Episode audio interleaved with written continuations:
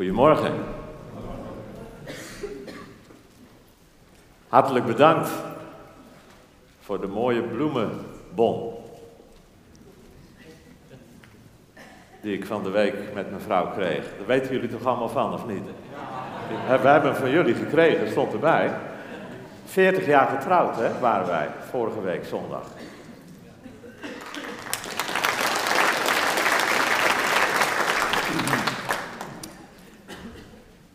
Veertig jaar geleden, toen uh, kwamen wij hier in Emmeloord. En uh, werden we lid van de Baptistengemeente. Heel klein nog toen, de eerste gemeente met dominee Hessels. En al die tijd zijn wij erbij betrokken geweest. We hebben in die tijd ook uh, Kees en Rie Glas leren kennen.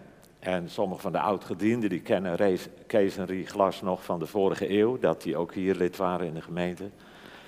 En uh, die hebben een heel interessant verhaal. Kees die komt uit Sint Pancras en Rie ook in Noord-Holland.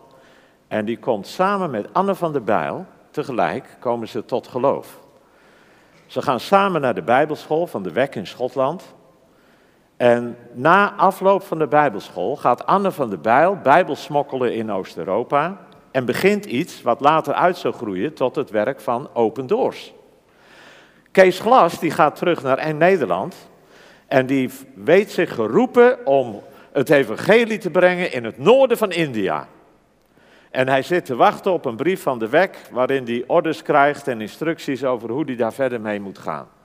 Tot zijn verbazing komt er wel een brief, maar er staat heel iets anders in als wat hij had verwacht. Broeder Kees, je gaat naar Korea. Alsjeblieft, dankjewel. Dus dat eh, was natuurlijk wel even daar werd wel even over gepraat en Kees is naar het kantoor gegaan in Engeland. Maar uiteindelijk, toen hij dus het hele verhaal heeft gehoord, is Kees gegaan naar Korea. Hij heeft in een briefwisseling verkering gekregen met Rie. Rie is op een boot gestapt en die is helemaal rond Afrika en Azië naar Korea gevaren. Kees en Rie zijn getrouwd en hebben daar 18 jaar gewerkt. Toen wij jaren geleden onze internationale OM-vergadering met al de leidinggevenden van OM in Korea hadden, toen waren we daar een week bij elkaar en elke morgen was er een Koreaanse uh, dominee of, of leidinggevende in de zending, een Koreaan die het woord van God met ons deelde. En ik heb ze allemaal gevraagd of ze Kees Glas kenden. Nou heet Kees Glas in Korea Kil Kisu. Dus ik vroeg ze allemaal na afloop, ken je, ken je Kil Kisu uit Nederland? en uh, de een naar de ander die zei, nee, ik heb nooit van Kil Kisu gehoord uit Nederland. Totdat er één sprak, die ik na afloop die vraag stelde, en zijn ogen lichtte op en zegt, Kil Kisu, ja, die ken ik heel goed, zegt hij. De man was nu leidinggevende van een overkoepelend orgaan in de zending en u weet dat Korea na, Amerika het meest aantal zendelingen van enig land in de wereld heeft uitgezonden. Dus die man had een hele belangrijke functie. En die zegt, Kilkisu, ja, die ken ik wel. En toen vertelde hij dat Kilkisu, Kees Glas, dat was zijn populairste spreker toen hij student was onder de studenten. En hij zegt, die man heeft heel veel voor mij betekend. Door hem heb ik de Heer Jezus leren kennen en door hem heb ik, ben ik ook gegroeid als christen. En toen vroeg ik hem, ik zeg, uh, zou je, ik heb een videocamera bij me, zou je niet in het Koreaans wat willen zeggen om dat verhaal nog eens te vertellen, wat, wat voor jou betekend heeft? En uh, hij heeft in het Koreaans dat prachtig allemaal verteld. En ik heb die video genomen en met Annie zijn we naar Kees en Rie Glas gegaan om de video te laten zien. Dat betekende ontzettend veel voor Kilkisu, Kees Glas en Rie. God heeft ons allemaal geroepen om een vruchtbaar leven te leiden. Soms zie je daar helemaal niks van. Maar het is ontzettend bemoedigend als je hier en daar ziet dat in Gods genade dat jij iets hebt mogen betekenen voor anderen en dat er iets mag gezien worden van de vruchten die God door jou heen heeft bewerkt. Maar God roept ons allemaal tot het leiden van een vruchtbaar leven. Jezus zegt, zonder mij kun je niets doen. Deze week kreeg ik een brief van een meisje waar Annie en ik na afloop van een dienst een keer mee spraken. Die kwam naar me toe en daarna heb ik nog een paar keer een mail gestuurd naar elkaar. En toen schreef ze van de week, samen met Jezus wandelen en met Hem in je leven, Hem in je leven betrekken, dat klinkt goed. Maar hoe doe je dat? Moet je dan de hele dag aan God denken? Is bij wijze van spreken bidden en naar de kerk gaan voldoende of is er meer? In dat opzicht verlang ik naar een diepere, oprechte en pure relatie met God. Ook al vind ik dat wel lastig in het gewone dagelijkse leven. Nu lijkt het meer of het geloof iets voor erbij is. En daar zit ik soms wel mee. Jezus zegt, zonder mij kun je helemaal niks. Wat doen die woorden jou? Wat doen die woorden jou?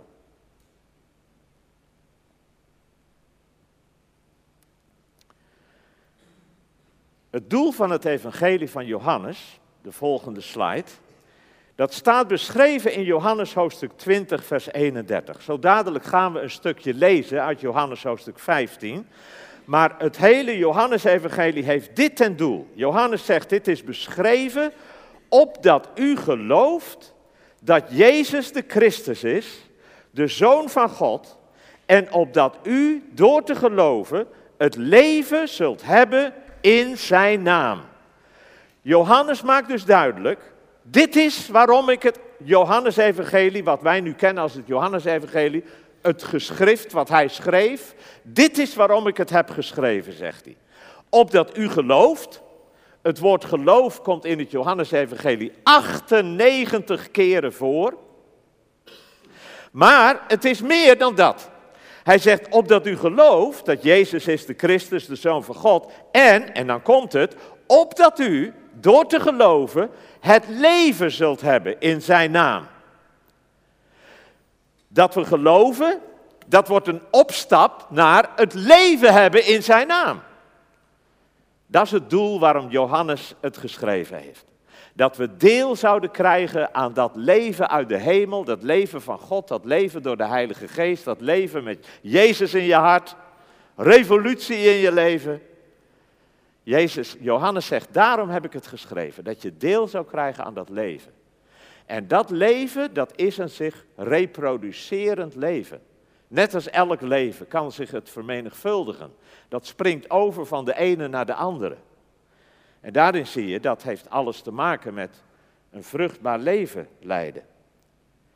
Jezus zegt in het Johannesevangelie zeven keer, ik ben. In het gedeelte wat we zo gaan lezen, is de laatste van die zeven keer aan de orde.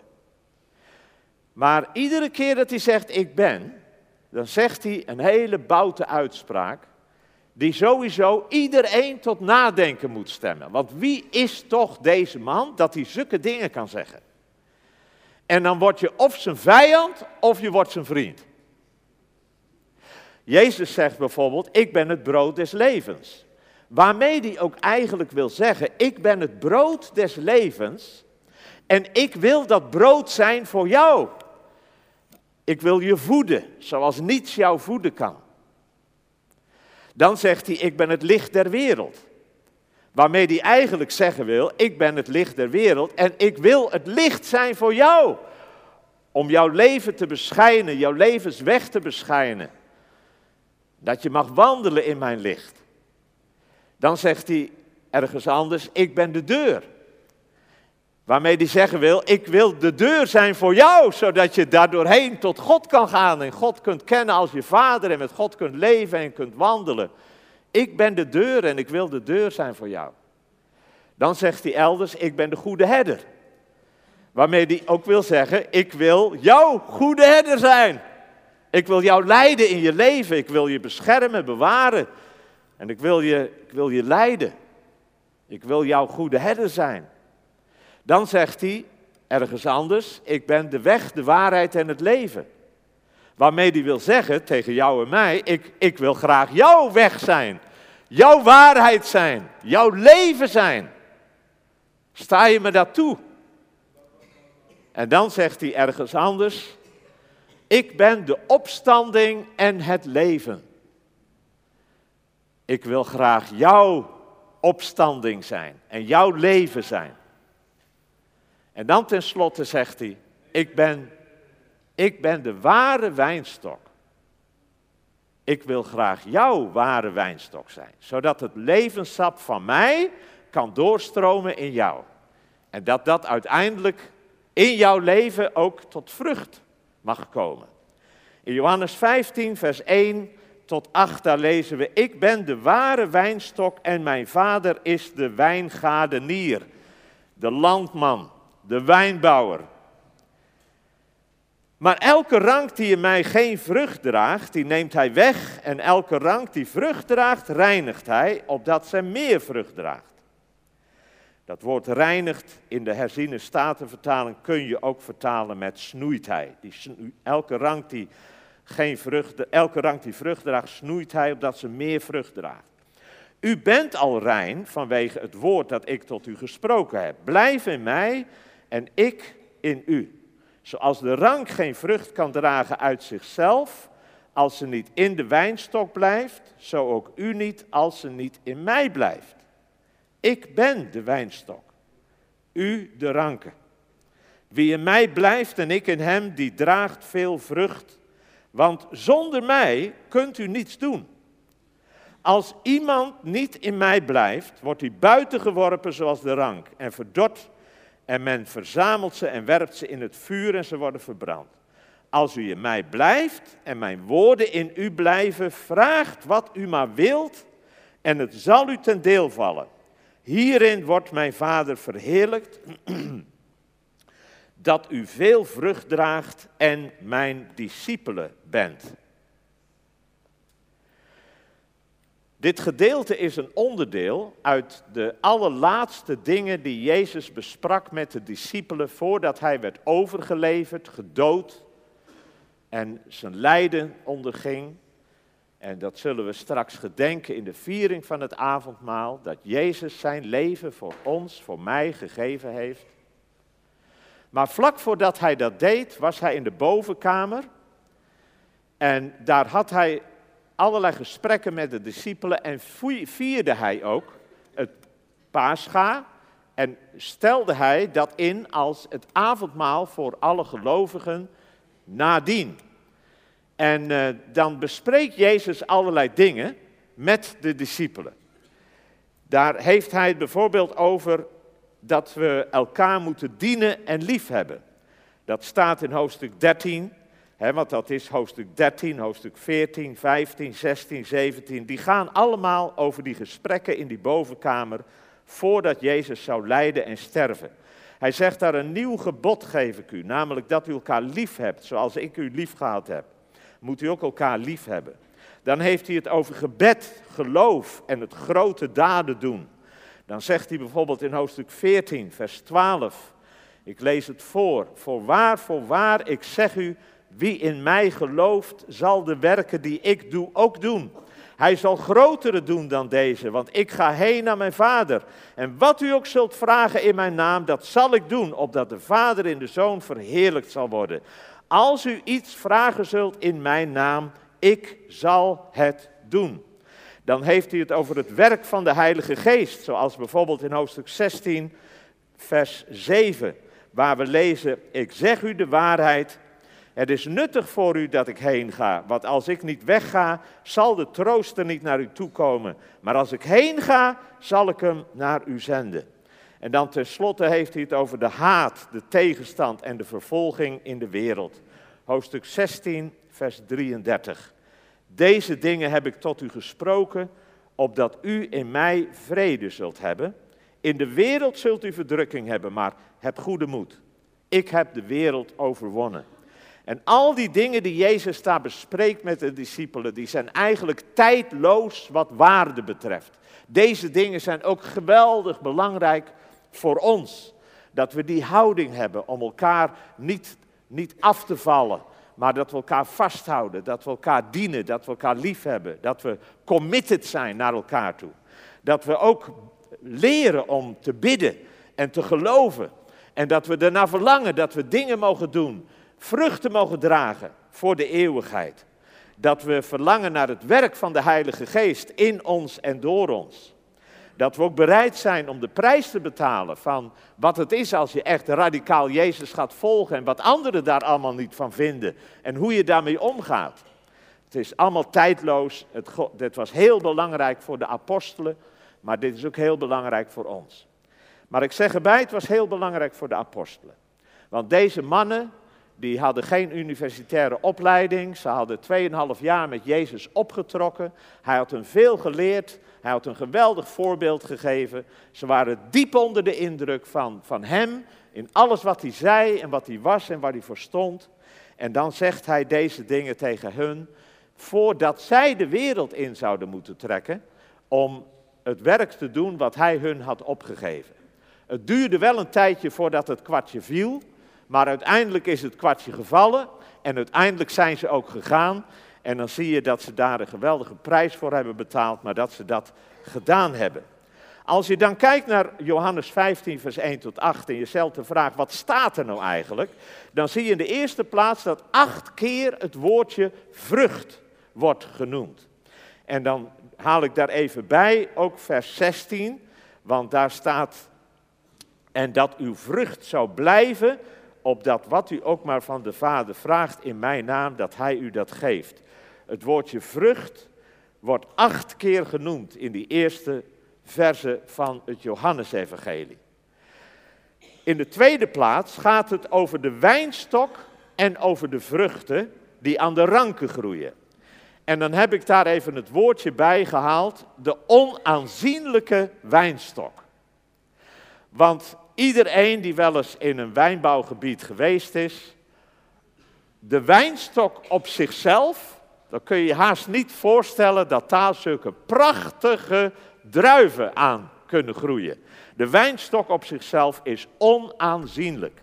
Ik heb er een foto van uh, uh, meegenomen. Dit is een wijnstok.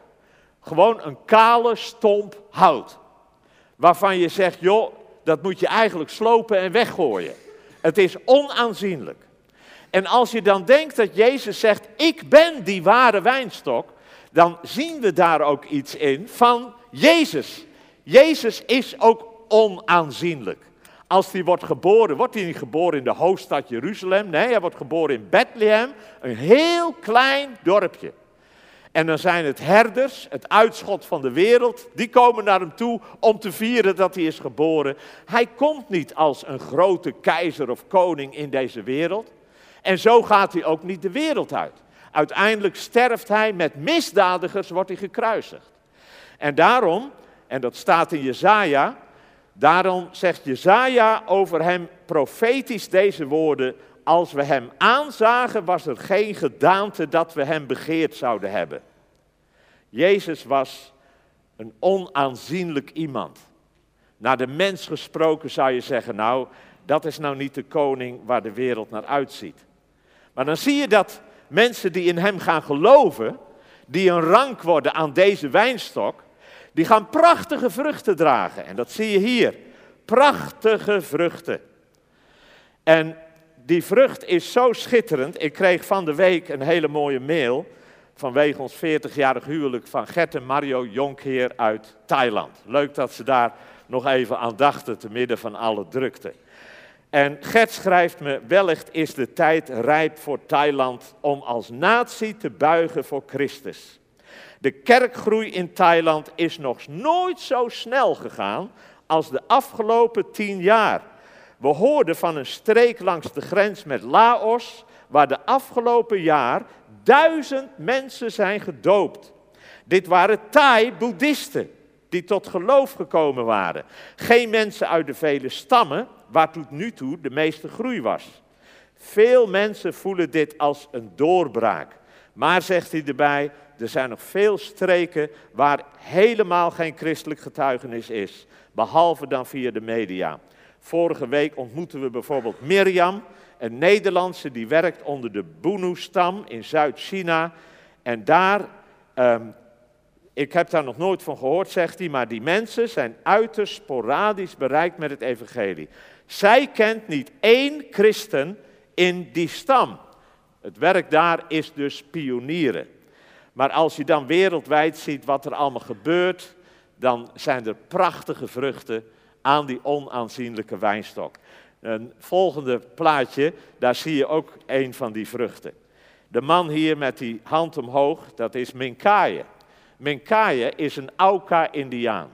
Hij was een van de mannen die in 1956 de vijf zendelingen vermoord. Die landden om, uh, aan de rivierbedding bij de Auka-Indianen om contact met de Auka's te zoeken en te maken. Maar de Auka's waren zeer gewelddadig. Er waren in feite geen mensen die ooit Auka-Indianen ontmoet hadden en het levend konden navertellen. Dus het was een hachelijke vertoning, een hachelijke onderneming en daar hebben ze ontzettend veel voor gebeden. Vijf ontzettend gekwalificeerde, begaafde, toegewijde jonge mannen besluiten om een vliegtuig te landen in de bedding van de rivier om daar in de buurt van de Auka's te landen. En ze worden vermoord in januari 1956. Later is een ander teruggegaan. Om een lang verhaal kort te maken, Auka-Indianen hebben Jezus leren kennen. En een van de moordenaars was Minkaye. Hij is nu oudste in de Auka-kerk. En ik ontmoette hem en ik sta daar op een foto. En altijd als ik denk aan de prachtige mensen die Jezus maakt, de prachtige vruchten aan de onaanzienlijke wijnstok, dan denk ik aan de ogen van Minkaye. In de ogen van Minkaye heb ik gezien wat God kan doen met een vrede, goddeloze moordenaar. En hem kan maken tot een prachtig stralend mens. Minkaye, een van de vruchten aan die onaanzienlijke wijnstok. Wat staat hier verder nog? Hier staat verder nog dat er wordt gesproken over de rank die met de wijnstok is verbonden. Dat is de volgende. In vers 4, daar staat, blijf in mij en ik in u, zoals de rank geen vrucht kan dragen uit zichzelf als ze niet in de wijnstok blijft, zo ook u niet als u niet in mij blijft. En dan vervolgens wordt er gesproken over vrucht dragen. Het doel van het leven van een christen is vrucht dragen. In vers 8, hierin wordt mijn Vader verheerlijkt dat u veel vrucht draagt en mijn discipelen bent. Wat betekende dit allemaal voor de discipelen? Waaruit bestond bij hen de vrucht precies? En waaruit bestaat die nu bij ons? Wel, dan kun je denken dat uh, anderen natuurlijk tot geloof komen of dat anderen versterkt worden in hun geloof. Dan kun je denken aan alle goede daden die gedaan worden tot zegen van anderen. Dan kun je denken aan de gemeente van de Heer Jezus die wordt gebouwd onder alle volkeren op aarde. Dan kun je denken aan de bekendmaking van het evangelie, maar je kunt ook denken aan ons karakter dat steeds meer Jezus gaat weerspiegelen als we als rank verbonden blijven met de wijnstok. Gelaten 5, vers 22, de vrucht van de geest, dat is liefde, blijdschap, vrede, geduld, vriendelijkheid, goedheid, geloof, zachtmoedigheid en zelfbeheersing. En dan staat er dat ze God zouden verheerlijken. Hoe verheerlijkten ze God? In vers 8 staat, hierin wordt de Vader verheerlijkt dat u veel vrucht draagt. God wordt verheerlijkt in de vruchten die ze dragen. Wij verengen soms het verheerlijken van God tot het zingen van aanbiddingsliederen. In het Johannesevangelie vind je dat niet. Daar wordt God verheerlijkt door de vruchten die we in ons leven dragen. Ergens anders zegt Jezus in het hoge priesterlijk gebed dat hij God de Vader heeft verheerlijkt door het werk te voleindigen dat hij hem te doen gegeven had. Dus God de Vader wordt verheerlijkt door de vruchten die we dragen. God de Vader wordt verheerlijkt door het werk te volbrengen dat we te doen hebben. En dan aan het einde van het Johannes-evangelie, daar wordt gesproken over de dood van een van de discipelen, een van de apostelen, waarmee hij God zou verheerlijken.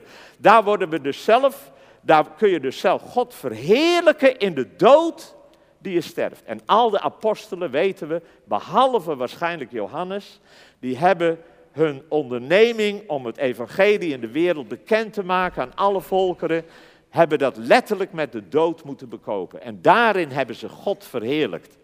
Dus wij worden zo ook geroepen om God te verheerlijken, om God groot te maken. En natuurlijk kan je een loflied op je lippen hebben, maar ook God groot maken door de vruchten die we dragen in ons leven. God groot maken door het werk te volbrengen, de taak die Hij heeft gegeven. God groot maken zelfs in de moeilijkheden en de prijs te betalen voor je volgen van Jezus. Daardoor wordt God groot gemaakt. En dan de volgende, snoeien hoort er ook bij. In hoofdstuk 15, vers 2, daar staat: Elke rank die in mij geen vrucht draagt, neemt hij weg.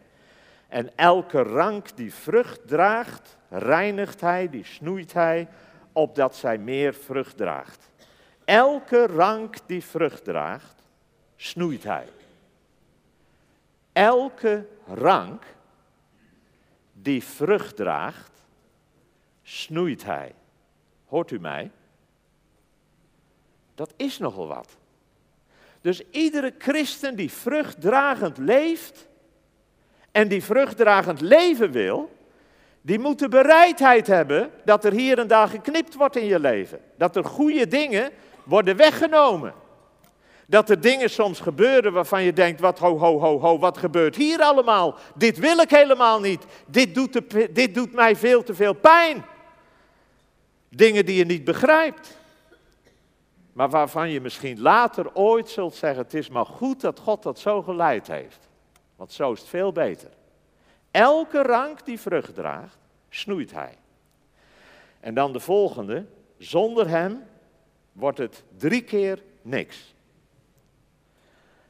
Los van Hem kunnen we niet leven wat Jezus ons oproept om te leven. Kunnen we geen vrucht dragen zoals Jezus ons oproept om vrucht te dragen.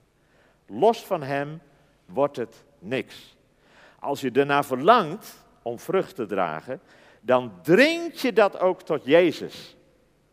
Dan dringt je dat tot Jezus. Want dan weet je, dat kan ik niet zelf doen. Dan, dat moet Jezus doen. Mijn familie tot geloof komen, dat kan ik zelf niet, joh. Ik heb het al zo vaak geprobeerd, het lukt me niet. Dat moet Jezus doen.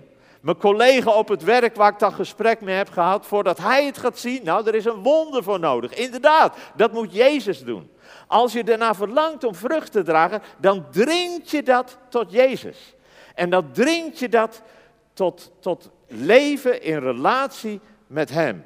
En dan zou je het ook kunnen omdraaien. Jezus zegt wel, zonder mij kun je niks doen. Maar je kan het ook omdraaien. Met Hem is alles mogelijk. Is alles mogelijk. Met Hem is echt alles mogelijk. The sky is the limit. Hij zegt in hoofdstuk 14, vers 13.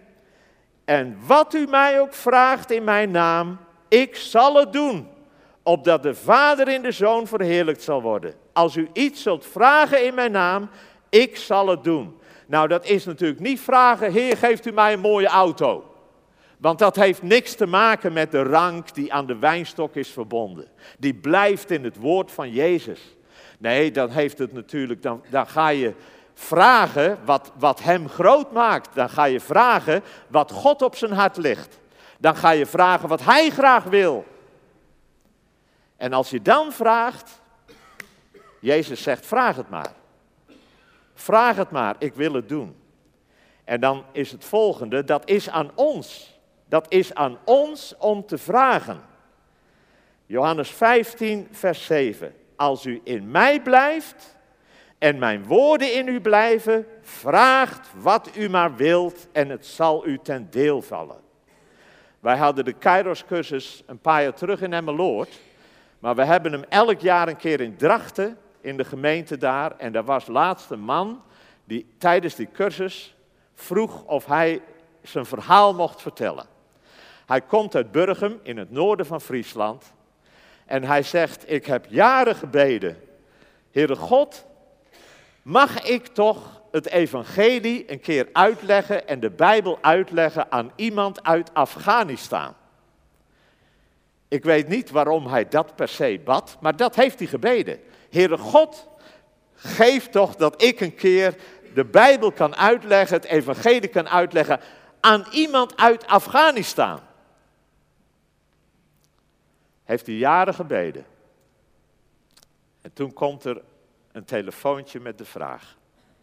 We hebben iemand in het AZC, een jonge Afghaan. En die zoekt iemand waar die mee kan praten om de Bijbel te leren kennen. Nou. Weet je wat het eind is van het verhaal? En daarom vertelde hij dat. Hij zegt, toen zei hij, afgelopen zondag zijn vader, moeder en alle kinderen gedoopt. Jezus zegt, vraagt wat u maar wilt en het zal u geworden. Mijn vraag aan jou is, mijn vraag aan u is, verlang je ernaar dat God je gaat gebruiken? Verlang je ernaar dat, het, dat jouw leven vrucht gaat dragen in de levens van mensen om je heen? Vraagt. Jezus zegt het, zijn niet mijn woorden. Vraagt en het zal u geworden. Vorige keer dat mijn vrouw en ik hier waren was in mei en toen zijn we daarna naar Normandië gegaan om al die sites te bezoeken van de Tweede Wereldoorlog uit de landing in Normandië. Samen met onze zoon Jonathan en zijn vrouw Barcelina hebben we daar een hele indrukwekkende week gehad. En ik kon er niet van weglopen dat ik daar op die begraafplaatsen liep met al die duizenden Britten, Canadezen, Amerikanen, jongens van 18, 19 jaar die daar hun leven hebben gegeven, dat wij in vrijheid, dat ik in vrijheid zou mogen leven, kon ik er nooit van weglopen dat ik dacht aan die tijd dat dat gebeurde. Toen was er één vrouw in Amerika, mevrouw Klap, in een stadje net buiten New York. En die begon te bidden. Heere God, nu wij als Amerika mannen en vrouwen de wereld insturen om te vechten met de Japanners en te vechten met de Duitsers, wilt u alstublieft mannen en vrouwen sturen uit Amerika om het evangelie te verkondigen? En daar heeft mevrouw Klap 15 jaren voor gebeden. Weet u wat er gebeurde na 15 jaar? George Verwer komt tot bekering. De oprichter van Operatie Mobilisatie. Jezus zegt, vraagt in mijn naam en het zal u geworden. Dat is de uitdaging, de uitnodiging die er is voor mij en voor jou. En die uitnodiging wordt keer op keer herhaald door de Heer Jezus. Je vindt hem in vers 16, waar staat niet, u hebt mij uitverkoren, maar ik heb u uitverkoren. Ik heb u ertoe bestemd dat u zou heen gaan in vrucht dragen, uw vrucht zou blijven, opdat wat u maar vraagt van de Vader in mijn naam, dat Hij u dat geeft. En dan even later nog in hoofdstuk 16, vers 23, daar komt het voor de vierde keer naar voren. En op die dag zult u mij niets vragen, voorwaar, voorwaar, ik zeg u, alles wat u de Vader zult bidden in mijn naam, zal Hij u geven. Tot nu toe hebt u niets gebeden in mijn naam. Bid en u zult ontvangen, opdat uw blijdschap volkomen zal worden. Het duurde ook hier een tijdje voordat het kwartje viel. In de evangelie zie je nergens dat de apostelen bidden. Jezus bidt heel vaak. Nergens zie je dat de apostelen bidden. Dan lees je de handelingen der apostelen. En wat zie je? In 29 hoofdstukken wordt 30 keer vermeld dat de apostelen en de eerste christenen baden. Het duurde een tijdje, maar het kwartje viel. En ze zijn gaan bidden. En in antwoord op hun gebed heeft God de wereld ontsloten voor het evangelie. En hebben de apostelen de fundamenten gelegd waar wij vandaag op mogen voortbouwen. Wij geloven door het woord van de apostelen. Hun inzet heeft enorme vruchten gedragen. gedragen. En daarom zegt Jezus ook, wat er door jullie zal gebeuren, dat zal nog veel groter zijn dan wat ik gedaan heb. En uh, dat zien we vandaag in de wereldwijde verkondiging van het evangelie. Het is fantastisch om te zien. Aan de andere kant is het niet altijd zo zwart-wit. Soms kunnen er dingen gebeuren waarvan je denkt, oei, oei, oei. Dat is een tegenvaller. Weet je, wij weten nooit hoe het gaat allemaal. Ik ken een vrouw, die heeft haar hele leven in de moslimwereld gewerkt. Zij zegt, ik weet niet van één iemand die tot bekering is gekomen door het werk wat ik heb gedaan. Maar, denk ik dan, Jij weet het niet. En je weet het inderdaad ook niet. Je weet niet wat er in harten van mensen is gebeurd. Misschien dat er iemand in het geheim tot geloof gekomen is. Misschien dat die later nog wel weer veel dingen. Wij kennen Gods wegen niet. Gods wegen zijn hoger dan onze wegen. En daar moeten we uiteindelijk ook in rusten. Maar als we bidden, dan gaat God aan het werk. En uh, dan is het volgende, als we niet leven vanuit de innige band met Jezus, en dat geldt voor jou en dat geldt voor mij. Als wij niet leven uit een innige band met Jezus, als ons christen zijn niet veel meer is dan een stoel warm houden op zondag in de dienst, dan doen we onszelf tekort. Want niets is zo opwindend en mooi en energiegevend als je merkt dat God je gebruikt tot zegen van anderen om je heen. Als je niet leeft uit die innige band met Jezus, dan doe je anderen tekort. Want anderen hadden zo gezegend kunnen zijn door jou, maar nou gebeurt er niks. En als je niet leeft uit de innige band met Jezus, dan doe je God tekort. Want God is de wijnbouwer die zo graag vruchten ziet groeien op zijn land. Maar jij geeft niet thuis en je doet God tekort. En dan uiteindelijk, als we niet leven uit de innige band met Jezus, dan missen we ons doel. Want wij zijn ervoor bestemd om een volgeling van Jezus te zijn en een vruchtdragend leven te leiden. Hierin wordt mijn Vader verheerlijkt, dat u veel vrucht draagt en mijn discipelen bent. Jezus zegt, zonder mij kun je niks doen. Dat is de essentie van het christen zijn. De essentie van het christen zijn. Dat is de band met Jezus. Misschien zit je hier wel en zegt, joh, dat hele geloof, ik begrijp het allemaal nog niet zo. Het hoeft ook helemaal niet. Er zitten zoveel facetten aan, je hoeft het niet allemaal te begrijpen. Maar één ding moet je weten.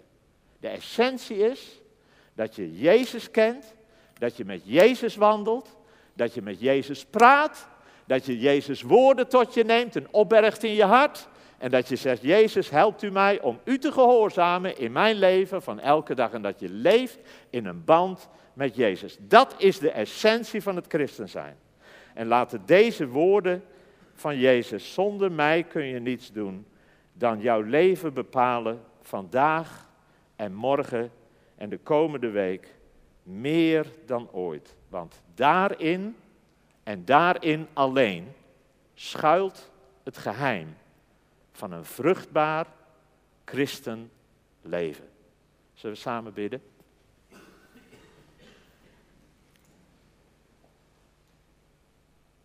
Jezus, we danken u dat we uw woorden serieus kunnen nemen. En we danken u dat u zo tot ons komt en u ons dit alles aanbiedt. En dan bid ik u dat wij allemaal, hoe we ons ook voelen en waar we ook zitten, en of we geestelijk kinderen zijn of volwassen zijn, maar dat u het verlangen in ons hart wil leggen op dit moment. Heer, maakt u mijn leven vruchtbaar. U weet hoe Annie en ik daarna verlangen nu we verhuisd zijn naar Soes, dat we daar weer ja, een heel nieuw netwerk opbouwen, dat we ernaar verlangen, Heer, maakt u ons leven vruchtbaar. En helpt u ons om te leven vanuit die innige band met u. Dat vragen wij u in Jezus' naam. Amen.